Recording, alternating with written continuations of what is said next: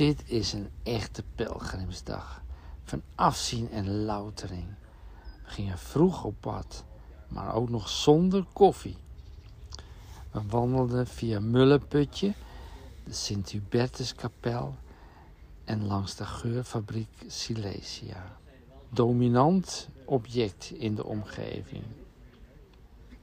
In de verte onregelmatig kerkklokgelui uit de kerk van Marienbaum, dat een mooi tweede houten, withouten torentje heeft.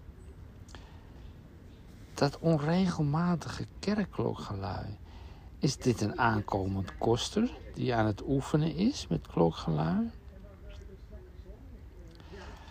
Langzamerhand stijgt en stijgt de weg steeds verder. In het bos zien we een verliefd stel met een geurig bekertje koffie. Ah, wat luikt dat lekker. Dit is echt afzien. Dit is echt pelgrimeren. En we moeten nog zo ver en we zijn al zo moe. En we moeten berg op. Oh, erg.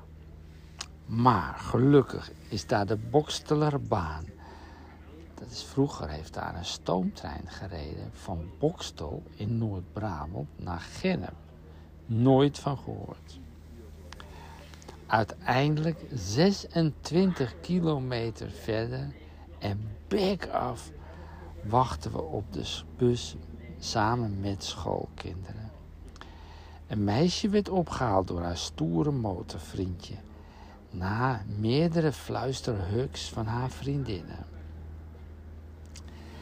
Uitgeput gingen we terug in de bus naar Kalkar, waar een oud vrouwtje met een rollator stond.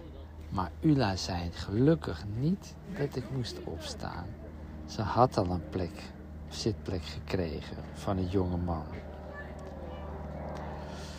In Alpen naar de ongezellige camperplaats Andermotte. Naast de tennisbaan met hondenuitlaters en veel verkeersgeluid. Hier gaan we nooit meer terug. Ik sliep prima. Ik was ook bek af. Ula niet.